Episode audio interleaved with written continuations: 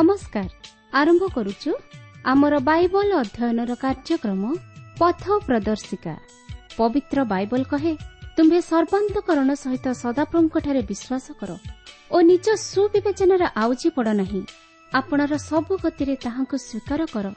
ତହିଁରେ ସେ ତୁମ୍ଭର ପଥ ସବୁ ସରଳ କରିବେ। ଆସନ୍ତୁ ସେହି ପଥ ପ୍ରଦର୍ଶକଙ୍କର ସନ୍ଧାନ ପାଇବା ନିମନ୍ତେ ଶୁଣିବା ବେତାର କାର୍ଯ୍ୟକ୍ରମ ପଥ ପ୍ରଦର୍ଶିକା।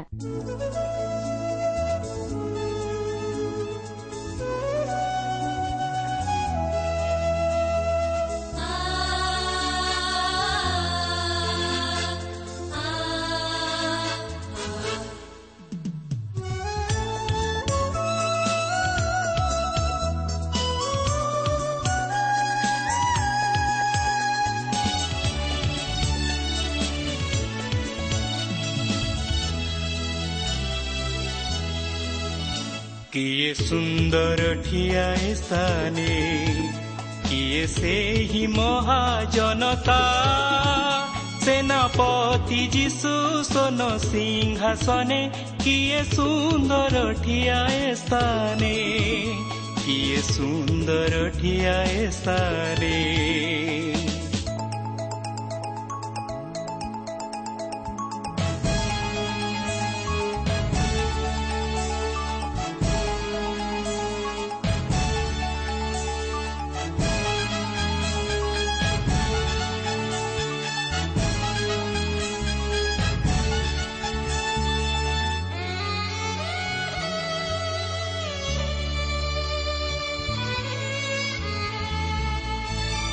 तोडा हेऊ ती तोडा हेऊ पांचो हेऊ जहाँ कमल गइ छोटो हेऊ बा बडो हेऊ कामो पाए पूरा करे की सुंदर ठिया एस्थाने की सेहि महाजनता सेनापती जी सु सोनो सिंहासने न्दर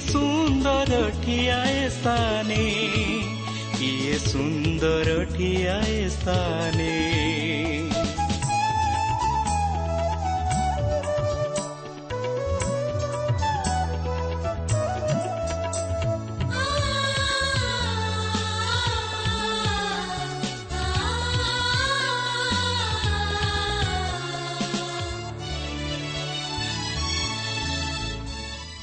ଶ୍ରୋତା ବନ୍ଧୁ ଆଜିର ଏହି ଶୁଭ ଅବସରରେ ଆମମାନଙ୍କର ପଥ ପ୍ରଦର୍ଶିକା ବେତାର ଅନୁଷ୍ଠାନ ପକ୍ଷରୁ ଆପଣଙ୍କୁ ହାର୍ଦ୍ଦିକ ଅଭିନନ୍ଦନ ଓ ପ୍ରୀତି ଶୁଭେଚ୍ଛା ଜ୍ଞାପନ କରୁଅଛୁ।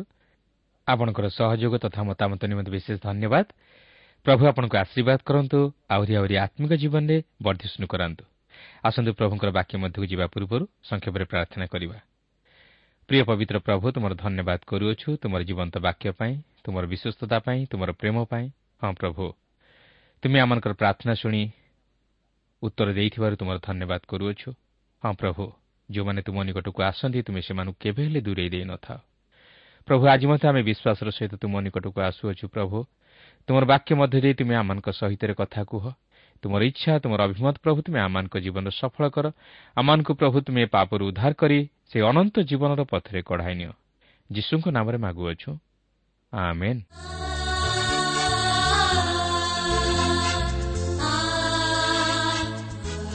ଆସନ୍ତୁ ବର୍ତ୍ତମାନ ଆମେ ପ୍ରଭୁଙ୍କର ବାକ୍ୟ ମଧ୍ୟକୁ ଯିବା। ଆଜି ଆମେ ଦ୍ୱିତୀୟ ବିବରଣ ପୁସ୍ତକ ତାର ଅଠେଇଶ ପର୍ବର ତିନି ପଦରୁ ଆରମ୍ଭ କରି ଅଣତିରିଶ ପର୍ବର ତେର ପଦ ପର୍ଯ୍ୟନ୍ତ ଅଧ୍ୟୟନ କରିବା ନିମନ୍ତେ ଯିବା।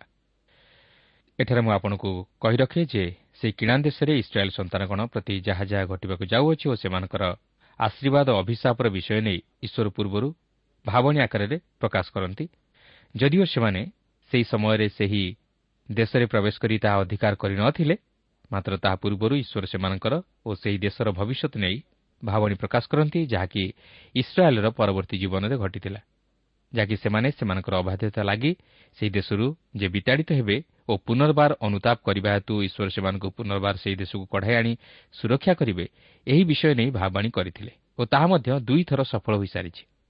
ଓ ତୃତୀୟ ଥର ସେ ଇସ୍ରାଏଲ୍କୁ ପୁନର୍ବାର ସେହି ଦେଶକୁ ଫେରାଇ ଆଣିବାକୁ ଯାଉଅଛନ୍ତି। ଯାହାକି ଭବିଷ୍ୟତରେ ଘଟିବା ପାଇଁ ଯାଉଅଛି। କିନ୍ତୁ ଏଠାରେ ବର୍ତ୍ତମାନ ଲକ୍ଷ୍ୟ କରିବାର ବିଷୟ ହେଉଛି ଯେ ସେମାନଙ୍କର ସେହି ଆଶୀର୍ବାଦ ଓ ଅଭିଶାପର ବିଷୟ ନେଇ ପୂର୍ବରୁ ଈଶ୍ୱର ତାହା ଭାବବାଣୀ ଆକାରରେ ପ୍ରକାଶ କରନ୍ତି। ଦେଖନ୍ତୁ ଦ୍ୱିତୀୟ ବିବରଣ ଅଠେଇଶ ପର୍ବର ତିନି ପଦରୁ ଛଅ ପଦ ମଧ୍ୟରେ ଲେଖା ଅଛି ତୁମେ ନଗରରେ ଧନ୍ୟ ହେବ ଓ କ୍ଷେତ୍ରରେ ଧନ୍ୟ ହେବ ତୁମ ଶରୀରର ଫଳ ଓ ତୁମ ଭୂମିର ଫଳ ଓ ତୁମ ପଶୁର ଫଳ ଅର୍ଥାତ୍ ଗୋବତ୍ସ ଓ ମେଷପଲର ଶାବକ ଧନ୍ୟ ହେବ। ତୁମ ଚାଙ୍ଗୁଡ଼ି ଓ ମଇଦା ଦଳିବା ପାତ୍ର ଧନ୍ୟ ହେବ। ତୁମେ ଗୃହକୁ ଆସିବା ବେଳେ ଧନ୍ୟ ଓ ଗୃହରୁ ବାହାରେ ଯିବାବେଳେ ଧନ୍ୟ ହେବ। ଏହି ଅଂଶରେ ଆପଣ ଦେଖିବେ ଈଶ୍ୱର ସେମାନଙ୍କ ପ୍ରତି କେତେକ ଆଶୀର୍ବାଦର ବିଷୟ ପ୍ରକାଶ କରନ୍ତି ଯାହାକି ସେମାନଙ୍କର ଆଜ୍ଞାବହତା ଉପରେ ନିର୍ଭର କରୁଥିଲା। ଦେଖନ୍ତୁ ଅଠେଇଶ ପର୍ବର ସାତ ପଦରୁ ନଅ ପଦ ମଧ୍ୟରେ ଆହୁରି ଲେଖା ଅଛି ସଦାପ୍ରଭୁ ତୁମ ବିରୁଦ୍ଧରେ ଉଠିବା ଶତ୍ରୁମାନଙ୍କୁ ତୁମ୍ଭ ଆଗେ ଆଗେ ପରାସ୍ତ କରାଇବେ। ସେମାନେ ଏକ ପଥ ଦେଇ ତୁମ ବିରୁଦ୍ଧରେ ଆସିବେ ମାତ୍ର ସାତ ପଥ ଦେଇ ତୁମ ସମ୍ମୁଖରୁ ପଳାଇବେ। ସଦାପ୍ରଭୁ ତୁମ ଅମାରରେ ଓ ଯେ ଯେ କର୍ମରେ ତୁମେ ହସ୍ତ ଦେବ ସେସବୁରେ ଆଶୀର୍ବାଦ ପ୍ରାପ୍ତି ଆଜ୍ଞା କରିବେ। ପୁଣି ସଦାପ୍ରଭୁ ତୁମ ପରମେଶ୍ୱର ତୁମକୁ ଯେଉଁ ଦେଶ ଦେବେ ତହିଁରେ ସେ ତୁମକୁ ଆଶୀର୍ବାଦ କରିବେ। ତୁମେ ସଦାପ୍ରଭୁ ଆପଣା ପରମେଶ୍ୱରଙ୍କ ଆଜ୍ଞା ପାଳନ ଓ ତାଙ୍କ ପଥରେ ଗମନ କଲେ ସଦାପ୍ରଭୁ ଆପଣା ଶପଥ ଅନୁସାରେ ତୁମକୁ ଆପଣ ପବିତ୍ର ଲୋକ କରି ସ୍ଥାପନ କରିବେ। ତେବେ ଏହିପରି ଯଦି ଆପଣ ଏହି ଅଠେଇଶ ପର୍ବର ଚଉଦ ପଦ ପର୍ଯ୍ୟନ୍ତ ପାଠ କରିବେ ତାହେଲେ ଜାଣିପାରିବେ ଯେ ଈଶ୍ୱର ସେମାନଙ୍କୁ ଆଶୀର୍ବାଦ କରିବା ନିମନ୍ତେ ପ୍ରତିଜ୍ଞା କରନ୍ତି। ମାତ୍ର ଗୋଟିଏ ସର୍ତ୍ତରେ ଯେ ଯଦି ସେମାନେ ତାହାଙ୍କର ଆଜ୍ଞା ପାଳନ କରି ତଦନୁଯାୟୀ ଜୀବନଯାପନ କରନ୍ତି ତାହେଲେ ସେମାନେ ଆଶୀର୍ବାଦର ଅଧିକାରୀ ହେବେ। ଅର୍ଥାତ୍ ସେମାନଙ୍କ ପରିଶ୍ରମର ଫଳରେ ଈଶ୍ୱର ଆଶୀର୍ବାଦ କରିବେ।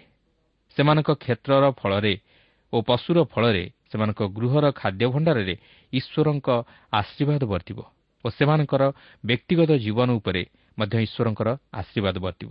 କେବଳ ସେତିକି ନୁହେଁ ସେମାନେ ଶତ୍ରୁ ସମ୍ମୁଖରେ ପତିତ ହେବେ ନାହିଁ ମାତ୍ର ଶତ୍ରୁ ସେମାନଙ୍କ ସମ୍ମୁଖରେ ପତିତ ହେବେ। ବାସ୍ତବରେ ଏହା କ'ଣ ମହାନ ଆଶୀର୍ବାଦ ନୁହେଁ କି?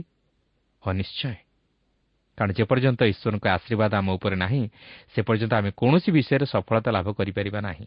ସେଥିପାଇଁ ପବିତ୍ର ବାଇବଲ କହେ ସଦାପ୍ରଭୁଙ୍କ ଆଶୀର୍ବାଦ ମନୁଷ୍ୟକୁ ଧନବାନ କରେ ଓ ସେ ତହିଁ ସଙ୍ଗରେ ଦୁଃଖ ଯୋଗ କରନ୍ତି ନାହିଁ।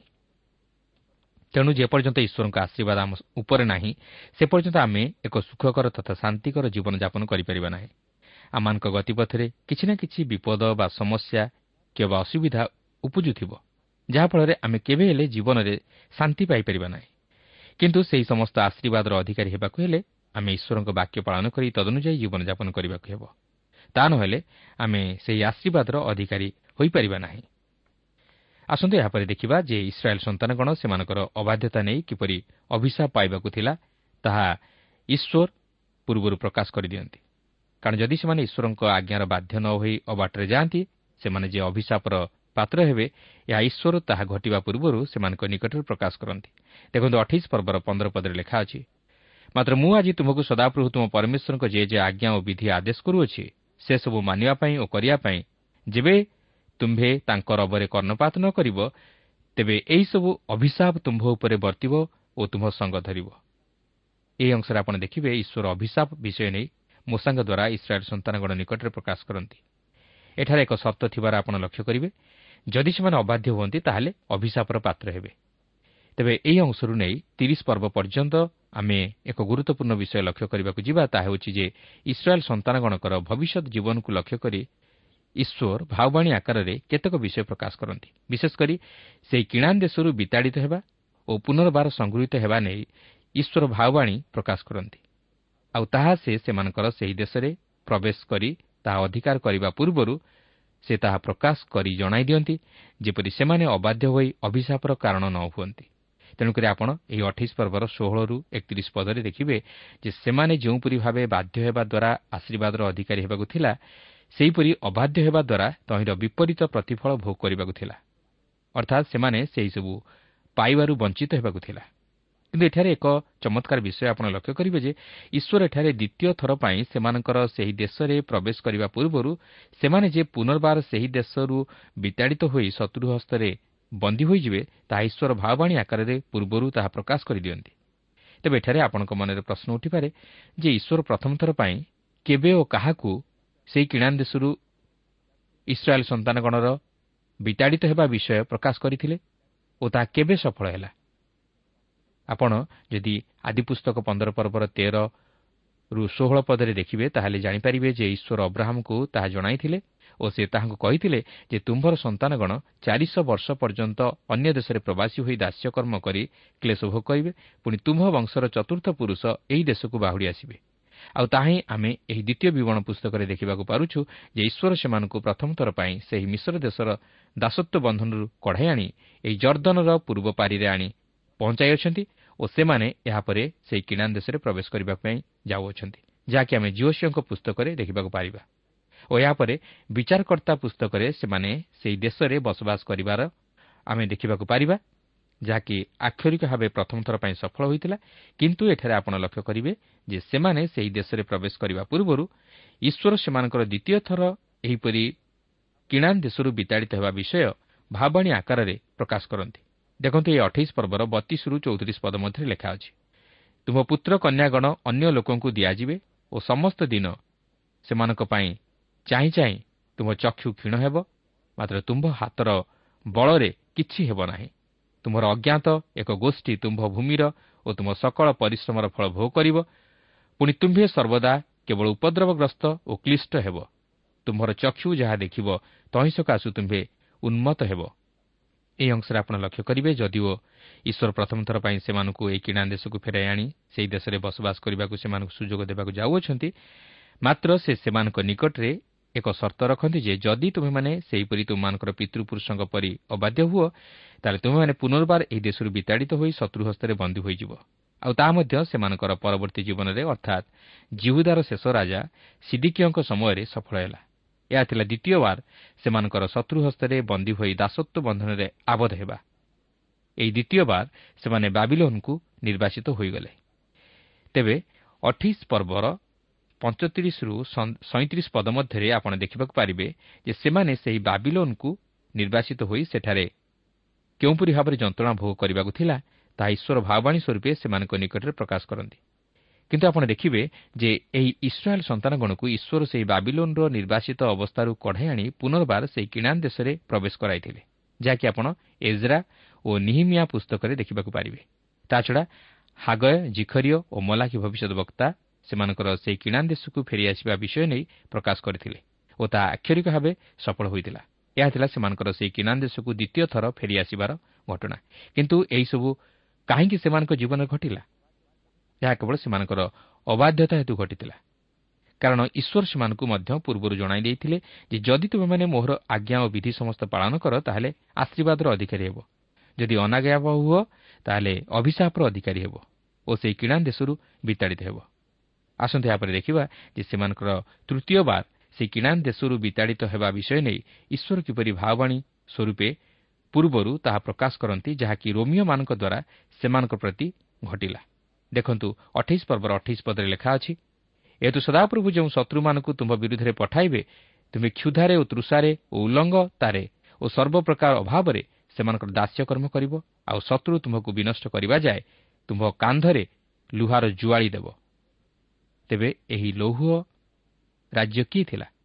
ଏହା ସେହି ରୋମ୍ ଥିଲା ଯାହାକୁ ଲୌହ ରାଜ୍ୟ କୁହାଯାଉଥିଲା ଓ ଏହି ରୋମିଓ ଶାସକଙ୍କ ଦ୍ୱାରା ଇସ୍ରାଏଲ୍ ଲୋକମାନେ ଛିନ୍ନଭିନ୍ନ ହୋଇଗଲେ। ଯାହାକି ଆମେ ଇତିହାସରେ ମଧ୍ୟ ଏହି ବିଷୟ ବର୍ଣ୍ଣିତ ହୋଇଥିବାର ଦେଖିବାକୁ ପାରୁ କେବଳ ସେତିକି ନୁହେଁ ଅଣଚାଶ ପଦରେ ଆଉ ଏକ ବିଷୟ ଲେଖା ଅଛି ସେହି ଗୋଷ୍ଠୀର ଭାଷା କେହି ବୁଝିପାରିବ ନାହିଁ।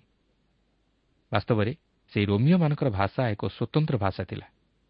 ଏହାପରେ ପଚାଶରୁ ତେପନ ପଦରେ ସେହି ଗୋଷ୍ଠୀର ନିଷ୍ଠୁରତା ବିଷୟରେ ପ୍ରକାଶ କରାଯାଏ ଓ ସେହି ନିଷ୍ଠୁର ଶାସକ ଥିଲେ ରୋମିଓ ଶାସକ ଟାଇଟସ୍। ସେ ଅତି ନିଷ୍ଠୁର ଭାବରେ ଇସ୍ରାଏଲୀୟ ସନ୍ତାନଗଣ ଉପରେ ଅତ୍ୟାଚାର କଲେ। ଏପରିକି ଆପଣ ଦେଖିବେ ତେପନ ପଦରେ ଯାହା ଲେଖା ଅଛି ଅର୍ଥାତ୍ ସେମାନେ ଯେ ସେମାନଙ୍କର ନିଜ ପୁତ୍ର ଓ ନିଜ କନ୍ୟାମାନଙ୍କ ମାଂସ ଖାଇବେ ତାହା ମଧ୍ୟ ସେହି ସମୟରେ ସଫଳ ହେଲା।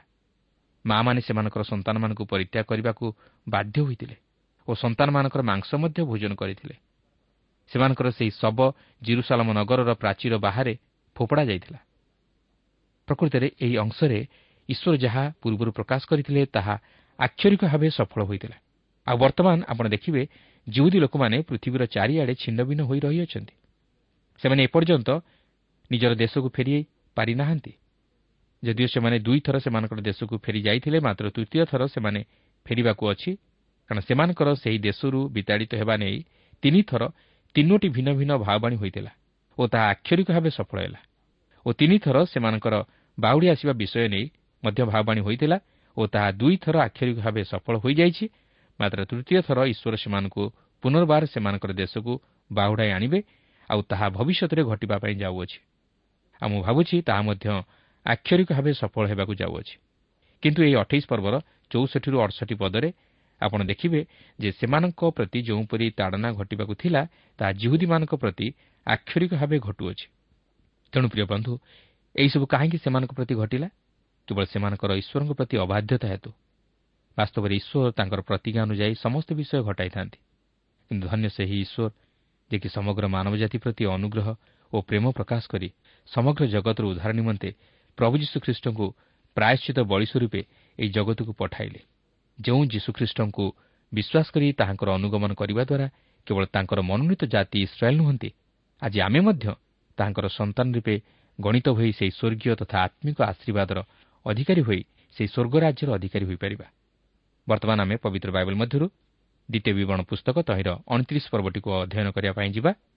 ଏହି ପର୍ବରେ ଆମେ ଦେଖିବାକୁ ପାରିବା ଯେ ଈଶ୍ୱର ସେହି ଇସ୍ରାଏଲ୍ ଲୋକମାନଙ୍କ ସହିତ ସେହି କିଣାନ୍ ଦେଶ ବା ପାଲେଷ୍ଟାଇନ୍ ଦେଶ ନେଇ ଯେଉଁ ନିୟମ ସ୍ଥାପନ କରିବାକୁ ଯାଉଥିଲେ ସେହି ନିୟମ ସ୍ଥାପନ କରିବା ପୂର୍ବରୁ ସେ ସେମାନଙ୍କୁ ସେମାନଙ୍କ ଅତୀତ ଜୀବନର ଘଟଣାଗୁଡ଼ିକୁ ସ୍ମରଣ କରାଇଦେବା ସଙ୍ଗେ ସଙ୍ଗେ ସେମାନଙ୍କ ହୃଦୟକୁ ପ୍ରସ୍ତୁତ କରାନ୍ତି ଓ ସେମାନେ ଯେ ଈଶ୍ୱରଙ୍କ ଅନୁଗ୍ରହ ହେତୁ ସେହି କିଣା ଦେଶରେ ପ୍ରବେଶ କରିବାକୁ ଯାଉଅଛନ୍ତି ତାହା ସ୍ମରଣ କରାଇ ଦିଅନ୍ତି। କାରଣ ଇସ୍ରାଏଲ୍ ସନ୍ତାନଗଣ ଯଦିଓ ଈଶ୍ୱରଙ୍କ ଆଜ୍ଞାର ବଶୀଭୂତ ହୋଇ ରହିପାରି ନ ଥିଲେ ତଥାପି ଈଶ୍ୱର ମହା ଦୟାବହି ସେମାନଙ୍କୁ ସେହି ଦୀର୍ଘ ଚାଳିଶ ବର୍ଷର ପ୍ରାନ୍ତର ଭ୍ରମଣ ମଧ୍ୟ ଦେଇ କଢ଼ାଇ ଆଣିଲେ ଯେପରି ତାହାଙ୍କ ପ୍ରତିଜ୍ଞା ସଫଳ ହୋଇପାରେ। ତେଣୁ ସେ ସେହି ଦେଶ ବିଷୟ ନେଇ ସେମାନଙ୍କ ସହିତ ନିୟମ ସ୍ଥାପନ କରିବା ପୂର୍ବରୁ ସେମାନଙ୍କୁ ସେଥି ନିମନ୍ତେ ପ୍ରସ୍ତୁତ କରାଇ ସେମାନଙ୍କର ଅତୀତର ଜୀବନକୁ ସ୍ମରଣ କରାଇ ଦିଅନ୍ତି। ତେବେ ଏଠାରେ ମୁଁ ଆପଣଙ୍କୁ ସ୍ମରଣ କରାଇଦିଏ ଯେ ଇସ୍ରାଏଲ୍ ସନ୍ତାନଗଣ ସେହି କିଣାନ୍ ଦେଶ ବା ପାଲେଷ୍ଟାଇନ୍ ଦେଶରେ ପ୍ରବେଶ କରିବା ପୂର୍ବରୁ ଈଶ୍ୱର ସେହି ଦେଶର ଭବିଷ୍ୟତ ବିଷୟ ନେଇ ସେମାନଙ୍କୁ ଜଣାଇଦେବା ସଙ୍ଗେ ସଙ୍ଗେ ସେମାନଙ୍କ ସହିତ ଏକ ନିୟମ ସ୍ଥିର କରିବାକୁ ଯାଉଅଛନ୍ତି ଯାହାକି ଏକ ସର୍ତ୍ତବିହୀନ ନିୟମ। ମାତ୍ର ସେଥିପୂର୍ବରୁ ସେ ସେମାନଙ୍କୁ ସେମାନଙ୍କର ଅତୀତର ଜୀବନର ଅନୁଭୂତିକୁ ସ୍ମରଣ କରାଇଦେବାକୁ ଚାହାନ୍ତି ଯଦ୍ୱାରା ସେମାନେ ଈଶ୍ୱରଙ୍କର ସମସ୍ତ ଅନୁଗ୍ରହକୁ ସ୍ମରଣ କରି ତାହାଙ୍କର ବଶୀଭୂତ ହୋଇ ରୁହନ୍ତି। ଦେଖନ୍ତୁ ଅଣତିରିଶ ପର୍ବର ପ୍ରଥମ ପଦରେ ଏହିପରି ଲେଖା ଅଛି ସଦାପ୍ରଭୁ ହୋରେବ୍ରେ ଇସ୍ରାଏଲ୍ ସନ୍ତାନଗଣ ସହିତ ଯେଉଁ ନିୟମ କରିଥିଲେ ତାହାଛଡ଼ା ମୟାବ ଦେଶରେ ସେମାନଙ୍କ ସହିତ ଯେଉଁ ନିୟମ କରିବାକୁ ମୋସାଙ୍କୁ ଆଜ୍ଞା ଦେଲେ ସେହି ନିୟମର କଥା ଏହି। ଆପଣ ଏଠାରେ ଦୁଇଟି ନିୟମ ଦୁଇଟି ଭିନ୍ନ ଭିନ୍ନ ସ୍ଥାନରେ ହୋଇଥିବାର ଲକ୍ଷ୍ୟ କରିବେ। ଈଶ୍ୱର ହୋରେବ୍ରେ ଇସ୍ରାଏଲ୍ ସନ୍ତାନଗଣ ସହିତ ଯେଉଁ ନିୟମ କରିଥିଲେ ସେହି ନିୟମ ହେଉଛି ଦଶ ଆଜ୍ଞା ଯାହାକୁ ମୋସାଙ୍କ ବ୍ୟବସ୍ଥା ବୋଲି ମଧ୍ୟ କୁହାଯାଏ। କିନ୍ତୁ ଈଶ୍ୱର ମୟାବ ଦେଶରେ ସେମାନଙ୍କ ସହିତ ଯେଉଁ ନିୟମ କରିବାକୁ ଯାଉଅଛନ୍ତି ତାହା ସେହି ପାଲେଷ୍ଟାଇନ୍ ଦେଶକୁ ନେଇ ଏକ ନିୟମ। ସେମାନେ ସେହି ଦେଶରେ ପ୍ରବେଶ କରିବା ପୂର୍ବରୁ ଈଶ୍ୱର ସେମାନଙ୍କ ସହିତ ଏକ ସର୍ତ୍ତବିହୀନ ନିୟମ ସ୍ଥାପନ କରିବାକୁ ଯାଉଅଛନ୍ତି ଯାହାକି ଆମେ ତିରିଶ ପର୍ବର ପ୍ରଥମ ଦଶ ପଦରେ ଦେଖିବାକୁ ପାରିବା। ତେବେ ଏହାକୁ ସର୍ତ୍ତବିହୀନ ନିୟମ ବୋଲି କାହିଁକି କୁହାଯାଏ ତାହା ବି ମଧ୍ୟ ମୁଁ ଆପଣଙ୍କୁ ପରେ ଜଣାଇବି କିନ୍ତୁ ଏଠାରେ ଲକ୍ଷ୍ୟ କରିବାର ବିଷୟ ହେଉଛି ଯେ ଈଶ୍ୱର ସେମାନଙ୍କ ସହିତ ସେହି ଯେଉଁ ସର୍ତ୍ତବିହୀନ ନିୟମ ସ୍ଥାପନ କରିବାକୁ ଯାଉଅଛନ୍ତି ତହିଁ ପୂର୍ବରୁ ସେ ସେମାନଙ୍କୁ ସେଥି ନିମନ୍ତେ ପ୍ରସ୍ତୁତ କରାନ୍ତି ଓ ସେମାନଙ୍କର ଅତୀତର ଜୀବନକୁ ସ୍ମରଣ କରାଇ ଦିଅନ୍ତି। ଯେପରି ସେମାନେ ଈଶ୍ୱରଙ୍କର ସମସ୍ତ ଅନୁଗ୍ରହକୁ ସ୍ମରଣ କରି ତାହାଙ୍କର ନିକଟବର୍ତ୍ତୀ ହୁଅନ୍ତି। ତେବେ ଏହା ସ୍ମରଣ କରାଇଦେବା ପଛରେ ଈଶ୍ୱରଙ୍କର ଏକ ମହତ ଅଭିମତ ଥିଲା ତାହା ହେଉଛି ଯେ ସେମାନେ ବ୍ୟବସ୍ଥା ପାଳନ ହେତୁ ନୁହେଁ ମାତ୍ର ଈଶ୍ୱରଙ୍କ ଅନୁଗ୍ରହ ହେତୁ ସେହି କିଣା ଦେଶରେ ପ୍ରବେଶ କରିବାକୁ ଯାଉଅଛନ୍ତି। କାରଣ ସେହି ଦେଶରେ ପ୍ରବେଶ କରିବା ଈଶ୍ୱରଙ୍କ ଅନୁଗ୍ରହ ଉପରେ ନିର୍ଭର କରୁଥିଲା। ମାତ୍ର ସେହି ଦେଶକୁ ଅଧିକାର କରି ତହିଁରେ ବସବାସ କରି ତହିଁର ଫଳ ଭୋଗ କରିବା ସେମାନଙ୍କର ବାଧ୍ୟତା ଉପରେ ନିର୍ଭର କରୁଥିଲା। ତେବେ ଦେଖନ୍ତୁ ମୂଷା କିପରି ସେମାନଙ୍କୁ ସେମାନଙ୍କର ଅତୀତ ଜୀବନରେ ଈଶ୍ୱରଙ୍କଠାରୁ ପାଇଥିବା ସମସ୍ତ ଅନୁଗ୍ରହଦାନକୁ ସ୍ମରଣ କରାଇ ଦିଅନ୍ତି। ଦେଖନ୍ତୁ ଅଣତିରିଶ ପର୍ବର ଦୁଇ ପଦରେ ଲେଖା ଅଛି ଅନନ୍ତର ମୂଷା ସମସ୍ତ ଇସ୍ରାଏଲ୍ଙ୍କୁ ଡାକି ସେମାନଙ୍କୁ କହିଲେ ସଦାପ୍ରଭୁ ମିଶ୍ର ଦେଶରେ ଫାରୋଙ୍କ ପ୍ରତି ଓ ତାହାଙ୍କ ସମସ୍ତ ଦାସ ପ୍ରତି ଓ ତାହାଙ୍କ ଦେଶ ପ୍ରତି ଯେସବୁ କର୍ମ ତୁମାନଙ୍କ ଦୃଷ୍ଟିଗୋଚରରେ କରିଥିଲେ ତାହା ସବୁ ତୁମମାନେ ଦେଖିଅଛ। ଏହି ଅଂଶରେ ଆପଣ ଲକ୍ଷ୍ୟ କରିବେ ଯେ ଏହି ଯେଉଁ ସନ୍ତାନଗଣ ଏହି ସମସ୍ତ ବିଷୟ ଦେଖିଥିଲେ ସେମାନେ ସେତେବେଳେ ବୋଧହୁଏ ବାଳକ ଅବସ୍ଥାରେ ଓ ଯୁବକ ଅବସ୍ଥାରେ ଥିଲେ। କାରଣ ଏମାନଙ୍କର ପିତୃପୁରୁଷ ଯଦିଓ ସେହି ସମୟରେ ଥିଲେ ମାତ୍ର ସେମାନଙ୍କର ଅବିଶ୍ୱାସ ତଥା ଅବାଧ୍ୟତା ଲାଗି ସେମାନଙ୍କ ମଧ୍ୟରୁ ଯେଉଁମାନେ କୋଡ଼ିଏ ବର୍ଷରୁ ଉର୍ଦ୍ଧ୍ୱ ଥିଲେ ସେମାନେ ସମସ୍ତେ ସେହି ପ୍ରାନ୍ତର ମଧ୍ୟରେ ଦୀର୍ଘ ଚାଳିଶ ବର୍ଷ ଧରି ଭ୍ରମଣ କରିବା ସମୟ ମଧ୍ୟରେ ସେହି ପ୍ରାନ୍ତର ମଧ୍ୟରେ ହିଁ ମୃତ୍ୟୁବରଣ କଲେ। କେବଳ ସେମାନଙ୍କ ମଧ୍ୟରୁ ଜିହସିଓ ଓ କାଲେବ ସେହି କିଣାନ୍ ଦେଶରେ ଏହି ନୂତନ ବଂଶଧରଙ୍କ ସହିତ ପ୍ରବେଶ କରିବା ନିମନ୍ତେ ସୁଯୋଗ ପାଇଲେ। ତେଣୁକରି ମୋଷା ଏହି ନୂତନ ବଂଶଧରଙ୍କ ନିକଟରେ ସେହି ସମସ୍ତ ଅତୀତର ଘଟଣାଗୁଡ଼ିକୁ ସ୍ମରଣ କରାଇ ଦିଅନ୍ତି। ଅର୍ଥାତ୍ ସେ ସେମାନଙ୍କର ପିତୃପୁରୁଷମାନଙ୍କର ବିଫଳତାକୁ ସ୍ମରଣ କରାଇ ଦେଇ ଈଶ୍ୱରଙ୍କର ଅନୁଗ୍ରହକୁ ପ୍ରକାଶ କରନ୍ତି। ଈଶ୍ୱର ଯେ ତାହାଙ୍କ ପ୍ରତିଜ୍ଞାକୁ ରକ୍ଷା କରିବାକୁ ଯାଇ ସେମାନଙ୍କୁ ମିଶ୍ରର ରାଜା ଫାରଙ୍କ କବଳରୁ ରକ୍ଷା କଲେ ଓ ସେହି ଫାରଙ୍କ ପ୍ରତି ତାହାଙ୍କ ସମସ୍ତ ଦାସଙ୍କ ପ୍ରତି ଓ ସେହି ଦେଶ ପ୍ରତି ଯେସବୁ କର୍ମ ସାଧନ କଲେ ତାହା ସେ ସେମାନଙ୍କୁ ସ୍ମରଣ କରାଇ ଦିଅନ୍ତି। ତେବେ ଏହି ସମସ୍ତ ଅନୁଗ୍ରହ ଯେ ଈଶ୍ୱର କୌଣସି ସର୍ତ୍ତ ରଖି କରିଥିଲେ ତାହା ନୁହେଁ। ମାତ୍ର ସେମାନଙ୍କର ଦୁଃଖ ଦୁର୍ଦ୍ଦଶା ପ୍ରତି ଦୃଷ୍ଟି ଦେଇ ସେ ସେମାନଙ୍କୁ ଉଦ୍ଧାର କଲେ। ସେ ସେମାନଙ୍କର କ୍ରନ୍ଦନ ଶୁଣିଲେ। ଦେଖନ୍ତୁ ମୂଷା ଆହୁରି କ'ଣ କହନ୍ତି? ଅଣତିରିଶ ପର୍ବର ତିନି ଓ ଚାରିପଦରେ ଲେଖା ଅଛି ସେହି ମହାମହା ପରଖ ଚିହ୍ନ ଓ ମହତ୍ ଆଶ୍ଚର୍ଯ୍ୟକର୍ମ ସକଳ ତୁମର ଚକ୍ଷୁ ଦେଖିଅଛି। ମାତ୍ର ସଦାପ୍ରଭୁ ଆଜି ଯାଏ ତୁମମାନଙ୍କୁ ବୁଝିବା ପାଇଁ ହୃଦୟ ଓ ଦେଖିବା ପାଇଁ ଚକ୍ଷୁ ଓ ଶୁଣିବା ପାଇଁ କର୍ଣ୍ଣ ଦେଇନାହାନ୍ତି। ଏହି ଅଂଶଟି ପାଠ କଲା ପରେ ଆପଣ ଭାବୁଥିବେ ଯେ ଈଶ୍ୱର ସେମାନଙ୍କୁ କାହିଁକି ଏପରି ହୃଦୟ ଚକ୍ଷୁ ଓ କର୍ଣ୍ଣ ଦେଇଥିଲେ? ତେବେ ଏଥିରେ ସେମାନଙ୍କର ଦୋଷ କ'ଣ? କିନ୍ତୁ ଆପଣ ଯଦି ପ୍ରକୃତିରେ ଚିନ୍ତା କରି ଦେଖିବେ ତାହେଲେ ଜାଣିପାରିବେ ଯେ ଈଶ୍ୱର ସେମାନଙ୍କୁ ଏ ପ୍ରକାର ଚକ୍ଷୁ କର୍ଣ୍ଣ ଓ ହୃଦୟ ଦେଇନଥିଲେ ମାତ୍ର ସେମାନେ ସେହିସବୁ ଆଶ୍ଚର୍ଯ୍ୟ କର୍ମ ଓ ଚିହ୍ନ ଦେଖି ମଧ୍ୟ ସେମାନେ ସେହି ସମସ୍ତ ବିଷୟକୁ ବିଶ୍ୱାସର ସହିତ ଗ୍ରହଣ କରିନଥିଲେ ସେମାନେ ଯଦିଓ ଦେଖିବା ନିମନ୍ତେ ଚକ୍ଷୁ ଶୁଣିବା ନିମନ୍ତେ କର୍ଣ୍ଣ ଓ ବିଶ୍ୱାସ କରିବା ନିମନ୍ତେ ହୃଦୟ ପାଇଥିଲେ ମାତ୍ର ପ୍ରକୃତିରେ ସେମାନେ ଆତ୍ମିକ ଜୀବନରେ ଚକ୍ଷୁ ଥାଇ ଅନ୍ଧ କର୍ଣ୍ଣ ଥାଇ ବଧିର ପାଲଟି ଯାଇଥିଲେ ଯାହାକି ଜିସାଏ ଭବିଷ୍ୟତ ବକ୍ତା ସେହି ବିଷୟ ନେଇ ପ୍ରକାଶ କରନ୍ତି। ଏପରିକି ପ୍ରେରିତ ପାଉଲ ନୂତନ ନିୟମରେ ରୋମିଓ ଏଗାର ପର୍ବର ଆଠ ପଦରେ ମଧ୍ୟ ଉଲ୍ଲେଖ କରନ୍ତି। ତେବେ ଏହାର ଅର୍ଥ କ'ଣ? ଈଶ୍ୱର ସେମାନଙ୍କୁ ପରିତ୍ୟାଗ କରିଥିଲେ ଓ ସେମାନଙ୍କୁ ଉଦ୍ଧାର କରିବା ନିମନ୍ତେ ଚାହିଁନଥିଲେ? କେବେ ନୁହେଁ। ଏହାର ଅର୍ଥ ସେମାନେ ନିଜେ ନିଜେ ଈଶ୍ୱରଙ୍କଠାରୁ ଦୂରକୁ ଚାଲିଯାଇଥିଲେ। ସେମାନଙ୍କର ଆତ୍ମିକ ଚକ୍ଷୁ ଓ କର୍ଣ୍ଣ ଅନ୍ଧ ହୋଇଯାଇଥିଲା। ସେମାନେ ଈଶ୍ୱରଙ୍କର ସମସ୍ତ ଆଶ୍ଚର୍ଯ୍ୟ କର୍ମମାନ ଦେଖିଲେ ମଧ୍ୟ ତାହାର ବିଶ୍ୱାସ କରିପାରିନଥିଲେ କି ଈଶ୍ୱରଙ୍କ ଉପରେ ନିର୍ଭର କରିପାରିନଥିଲେ। କିନ୍ତୁ ପ୍ରକୃତିରେ ଦେଖିବାକୁ ଗଲେ ଈଶ୍ୱର ଆମ ପ୍ରତ୍ୟେକଙ୍କୁ ତାଙ୍କର ନିକଟବର୍ତ୍ତୀ କରାଇବାକୁ ଚାହାନ୍ତି। ଆମେ ତାହାଙ୍କୁ ଭୁଲିଗଲେ ମଧ୍ୟ ସେ ଆମମାନଙ୍କୁ ଭୁଲନ୍ତି ନାହିଁ। କିନ୍ତୁ ଏଥିରୁ ଆମକୁ ଏହି ଶିକ୍ଷା ମିଳେ ଯେ ଈଶ୍ୱର ଆମର ଚକ୍ଷୁ ଓ କର୍ଣ୍ଣକୁ ଯେପର୍ଯ୍ୟନ୍ତ ସୁଷମାଚାର ଶୁଣିବା ନିମନ୍ତେ ଉନ୍ମୁକ୍ତ କରିନାହାନ୍ତି ସେ ପର୍ଯ୍ୟନ୍ତ ଆମେ କେବେ ହେଲେ ସୁଷମାଚାର ପ୍ରତି ମନ ଦେଇପାରିବା ନାହିଁ। ବା ଈଶ୍ୱରଙ୍କ ବାକ୍ୟ ଅଧ୍ୟୟନ ତଥା ଶ୍ରବଣ କରିବା ନିମନ୍ତେ ଆଗ୍ରହ ପ୍ରକାଶ କରିପାରିବା ନାହିଁ। ସେମାନେ ଯଦିଓ ଶୁଣନ୍ତି ମାତ୍ର ବାସ୍ତବରେ ଗ୍ରହଣ କରିପାରନ୍ତି ନାହିଁ। କିନ୍ତୁ ଆଜି ଏପରି କୌଣସି ମନୁଷ୍ୟ ନାହିଁ ଯେ କି ପ୍ରଭୁ ଯୀଶୁଙ୍କ ବିଷୟରେ ଶୁଣିନାହିଁ କିମ୍ବା ଈଶ୍ୱରଙ୍କ ବିଷୟରେ ଜାଣିନାହିଁ ସମସ୍ତେ ଆଜି ଶୁଣିବାକୁ କର୍ଣ୍ଣ ପାଇଛନ୍ତି ଓ ଦେଖିବାକୁ ଚକ୍ଷୁ ମଧ୍ୟ ପାଇଛନ୍ତି। କିନ୍ତୁ ସେମାନେ ଆଜି ନିଜର କର୍ଣ୍ଣକୁ ଈଶ୍ୱରଙ୍କ ବାକ୍ୟ ଶୁଣିବା ପ୍ରତି ନ ଦେଇ ଶୟତାନର ନାନା ପ୍ରକାର ସିନେମା ଗୀତ ଓ ବିଭିନ୍ନ ପ୍ରକାର ମନ୍ଦ କଥା ଶୁଣିବା ନିମନ୍ତେ କର୍ଣ୍ଣ ଦିଅନ୍ତି। ଫଳତଃ ସେମାନେ ନିଜର କର୍ଣ୍ଣକୁ ଅପବିତ୍ର କରନ୍ତି ଓ ଈଶ୍ୱରଙ୍କ ବାକ୍ୟ ସେମାନଙ୍କ ହୃଦୟ ମଧ୍ୟକୁ ପ୍ରବେଶ କରିପାରେ ନାହିଁ କି କାର୍ଯ୍ୟ ସାଧନ କରିପାରେ ନାହିଁ। ସେହିପରି ଆଜି ଅନେକ ଚକ୍ଷୁ ପାଇଛନ୍ତି ମାତ୍ର ସେମାନଙ୍କ ଚକ୍ଷୁ ଈଶ୍ୱରଙ୍କ ପ୍ରତି ନଥାଏ ମାତ୍ର ଜଗତ ପ୍ରତି ଥାଏ। ସେମାନେ ଜଗତର ପାର୍ଥିବ ବିଷୟ ପ୍ରତି ଲକ୍ଷ୍ୟ କରି ଈଶ୍ୱରଙ୍କଠାରୁ ଦୂରବର୍ତ୍ତୀ ଜୀବନଯାପନ କରନ୍ତି ତେଣୁ ସେମାନଙ୍କ ଚକ୍ଷୁ ଅପବିତ୍ର ହୁଏ ଓ ଚକ୍ଷୁ ଥାଇ ମଧ୍ୟ ସେମାନେ ଅନ୍ଧ ହୋଇଯାଆନ୍ତି। ପ୍ରିୟ ବନ୍ଧୁ ଈଶ୍ୱର ଆଜି ଆମକୁ ଯେଉଁ ଚକ୍ଷୁ ଓ କର୍ଣ୍ଣ ଦେଇଛନ୍ତି ତାହାକୁ ଆମେ କିଭଳି ବ୍ୟବହାର କରୁଅଛୁ? ଆଜି ଆମର ଚକ୍ଷୁ କ'ଣ ଟେଲିଭିଜନ ଉପରେ ଅଛି କି? ଆଜି ଆମର ଚକ୍ଷୁ କ'ଣ ଏହି ଜଗତର ଚାକଚକ୍ୟ ଓ ପାର୍ଥିବ ବିଷୟ ପ୍ରତି ରହିଅଛି କି? ଆଜି ଆମଙ୍କର କର୍ଣ୍ଣକୁ କ'ଣ ଈଶ୍ୱରଙ୍କ ବାକ୍ୟ ଶୁଣିବା ନିମନ୍ତେ ନ ଦେଇ ସିନେମା ଗୀତ ଶୁଣିବା ନିମନ୍ତେ ଦେଉଅଛୁ କି? କିନ୍ତୁ ଯଦି ଈଶ୍ୱର ଦେଇଥିବା ଏହି ଚକ୍ଷୁ ଓ କର୍ଣ୍ଣକୁ ଆମେ ଈଶ୍ୱରଙ୍କ ଉଦ୍ଦେଶ୍ୟରେ ବ୍ୟବହାର ନ କରୁ ଓ ସବୁ ଦେଖି ଓ ଶୁଣି ଯଦି ତାହାଙ୍କୁ ବିଶ୍ୱାସର ସହିତ ଗ୍ରହଣ ନ କରୁ ତାହେଲେ ଆମେ ଚକ୍ଷୁ ଥାଇ ଅନ୍ଧ ହୋଇ ରହିଅଛୁ ଓ କର୍ଣ୍ଣ ଥାଇ ମଧ୍ୟ ବଧିର ହୋଇ ରହିଅଛୁ। ସେଥିହେତୁ ଈଶ୍ୱରଙ୍କ ବାକ୍ୟ ତଥା ସୁଷମାଚାର ଆମମାନଙ୍କ ଜୀବନରେ କାର୍ଯ୍ୟ ସାଧନ କରିପାରିବ ନାହିଁ। ଫଳତଃ ଆମେ ଆତ୍ମିକ ଜୀବନରେ ଅନ୍ଧ ଓ ବଧିର ହୋଇ ରହିଥିବା। ଏହାପରେ ଅଣତିରିଶ ପର୍ବର ପାଞ୍ଚ ପଦରେ ଲେଖା ଅଛି ପୁଣି ଆମ୍ଭେ ଏହି ପ୍ରାନ୍ତରରେ ଚାଳିଶ ବର୍ଷ କାଳ ତୁମାନଙ୍କୁ ଗମନ କରାଇଅଛୁ। ତୁମାନଙ୍କ ବସ୍ତ୍ର ତୁମାନଙ୍କ ଶରୀରରେ ଜୀର୍ଣ୍ଣ ହୋଇନାହିଁ ଓ ତୁମ ପାଦୁକା ତୁମ ପାଦରେ ଜୀର୍ଣ୍ଣ ହୋଇନାହିଁ ଚିନ୍ତା କରିପାରୁଛନ୍ତି? ସେମାନଙ୍କର ସମସ୍ତ ଅବିଶ୍ୱାସ ତଥା ଅବାଧ୍ୟତା ସତ୍ତ୍ୱେ ମଧ୍ୟ ଈଶ୍ୱର ସେମାନଙ୍କୁ କିଭଳି ଭାବରେ ଆଶୀର୍ବାଦ କରିଥିଲେ? ସେମାନେ ଯେଉଁ ବସ୍ତ୍ର ପିନ୍ଧିଥିଲେ ତାହା ପୁରୁଣା ହେଲା ନାହିଁ କି ଛିଣ୍ଡିଲା ନାହିଁ? ଏପରିକି ଜୋତା ମଧ୍ୟ ଛିଣ୍ଡିଲା ନାହିଁ କାରଣ ଈଶ୍ୱରଙ୍କ ଆଶୀର୍ବାଦ ସେମାନଙ୍କ ଉପରେ ଥିଲା। ଦେଖନ୍ତୁ ଦୀର୍ଘ ଚାଳିଶ ବର୍ଷର ପ୍ରାନ୍ତର ଭ୍ରମଣରେ ମଧ୍ୟ ସେମାନଙ୍କର ବସ୍ତ୍ର କିମ୍ବା ପାଦୁକା ଜୀର୍ଣ୍ଣ ହେଲା ନାହିଁ ଅର୍ଥାତ୍ କ୍ଷୟ ପାଇଲା ନାହିଁ। ବର୍ତ୍ତମାନ ଯଦି ଆପଣ ହଳେ ପୋଷାକ ବା ଜୋତା କରି ତାହାକୁ ପିନ୍ଧିବେ ତାହେଲେ ଅତି ବେଶୀ ହେଲେ ବର୍ଷ ଗୋଟିକରେ ତାହାର ଅବସ୍ଥା ଆଉ ନଥିବ। ମାତ୍ର ସେମାନେ ଦୀର୍ଘ ଚାଳିଶ ବର୍ଷ ଧରି ପ୍ରାନ୍ତର ମଧ୍ୟରେ ଭ୍ରମଣ କଲେ ମଧ୍ୟ ସେମାନଙ୍କର ବସ୍ତ୍ର କିମ୍ବା ଜୋତା ଛିଣ୍ଡି ନଥିଲା କାରଣ ଈଶ୍ୱର ସେମାନଙ୍କର ଯତ୍ନ ନେଇଥିଲେ। କେବଳ ସେତିକି ନୁହେଁ ଆପଣ ଯଦି ଅଣତିରିଶ ପର୍ବର ଛଅ ପଦରୁ ନଅ ପଦ ପର୍ଯ୍ୟନ୍ତ ପାଠ କରି ଦେଖିବେ ତାହେଲେ ଜାଣିପାରିବେ ଯେ ସେ ସେମାନଙ୍କର ଶାରୀରିକ ଖାଦ୍ୟପେୟ ପ୍ରତି ମଧ୍ୟ ଦୃଷ୍ଟି ଦେଇଥିଲେ ଓ ସେମାନଙ୍କୁ ଶତ୍ରୁମାନଙ୍କ ଉପରେ ମଧ୍ୟ ବିଜୟ ହାସଲ କରିବା ନିମନ୍ତେ ଶକ୍ତି ଦେଇଥିଲେ। କିନ୍ତୁ ଏହି ସମସ୍ତ ସତ୍ୟ ମଧ୍ୟ ସେମାନେ ଈଶ୍ୱରଙ୍କ ଉପରେ ନିର୍ଭର କରିପାରୁନଥିଲେ କି ଈଶ୍ୱରଙ୍କ ଉପରେ ବିଶ୍ୱାସ ରଖିପାରୁନଥିଲେ।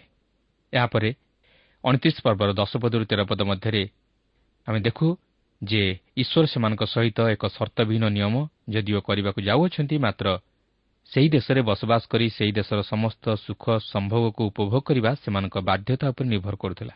ଈଶ୍ୱର ଯଦିଓ ନିଜର ପ୍ରତିଜ୍ଞା ଅନୁଯାୟୀ ସେହି ଦେଶ ସେମାନଙ୍କୁ ସେମାନଙ୍କର ଅନନ୍ତ ଅଧିକାର ରୂପେ ପ୍ରଦାନ କରନ୍ତି ମାତ୍ର ସେ ସେମାନଙ୍କଠାରୁ ବାଧ୍ୟତା ଚାହିଁଥିଲେ। ଯେପରି ସେମାନେ ତାହାଙ୍କର ବାଧ୍ୟ ହେବା ଦ୍ୱାରା ତୈର ଫଳ ଉପଭୋଗ କରନ୍ତି। ତେଣୁ ସେ ସେହି ସର୍ତ୍ତବିହୀନ ନିୟମ ସ୍ଥାପନ କରିବା ପୂର୍ବରୁ ସେମାନଙ୍କୁ ଜଣାଇ ଦିଅନ୍ତି ଯେ ସେମାନେ ଯେପରି ତାଙ୍କର ଆଜ୍ଞାବହ ହୋଇ ସେହି ଦେଶର ଉତ୍ତମ ଫଳ ଉପଭୋଗ କରନ୍ତି। ପ୍ରିୟ ବନ୍ଧୁ ଠିକ୍ ସେହିପରି ଈଶ୍ୱର ଆଜି ଅନୁଗ୍ରହ କରି ଆମମାନଙ୍କୁ ଯଦିଓ ପାପର ବନ୍ଧନରୁ ମୁକ୍ତ କରିଅଛନ୍ତି ଓ ତାହାଙ୍କର ପ୍ରିୟ ପୁତ୍ର ପ୍ରଭୁ ଯୀଶୁ ଖ୍ରୀଷ୍ଟଙ୍କ ଦ୍ୱାରା ଆମମାନଙ୍କ ନିମନ୍ତେ ଉଦ୍ଧାରର କାର୍ଯ୍ୟ ସାଧନ କରିଅଛନ୍ତି ତଥାପି ସେ ଚାହାନ୍ତି ଆମେ ଯେପରି ଯୀଶୁଖ୍ରୀଷ୍ଟଙ୍କଠାରେ ବିଶ୍ୱାସ କରି ନିଜର ପାପରୁ ଉଦ୍ଧାର ପାଇ ତାହାଙ୍କର ଅନୁଗମନ କରୁ ଓ ତାହାଙ୍କ ବାକ୍ୟର ବଶୀଭୂତ ହୋଇ ଜୀବନଯାପନ କରିବାକୁ ଚେଷ୍ଟା କରୁ। କାରଣ ଯଦିଓ ଆମେ ବ୍ୟବସ୍ଥାର ଅଧୀନରେ ନାହୁଁ ମାତ୍ର ଖ୍ରୀଷ୍ଟଙ୍କ ଅଧୀନରେ ଅଛୁ।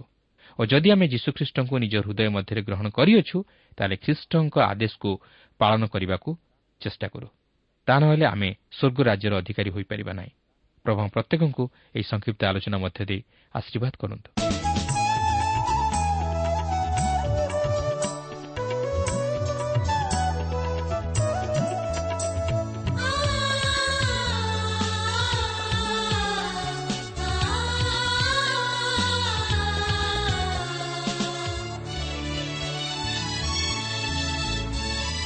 ନିସଙ୍ଗତାରେ ବା ଦରିଦ୍ରତାରେ ଲାଜାର ପରି ଯେ ଠିଆ ହୁଏ କ୍ଷୁଧାରେ ହେଉ ତୃପ୍ତିରେ ହେଉ ବିଶ୍ୱାସକୁ ଯେ ଧରି ରଖେ କିଏ ସୁନ୍ଦର ଠିଆ ସ୍ଥାନେ କିଏ ସେହି ମହାଜନତା सेनापति सुसन सिंहासन कि सुन्दर ठिआ सुन्दर ठिआ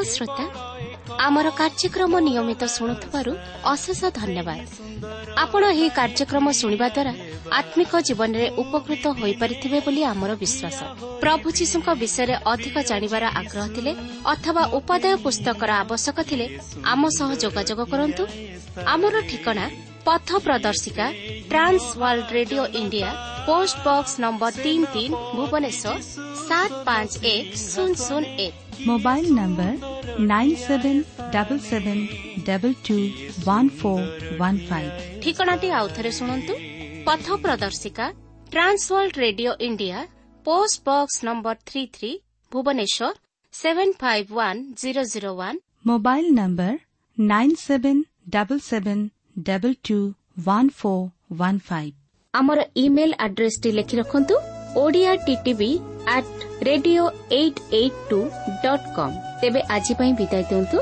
ନମସ୍କାର।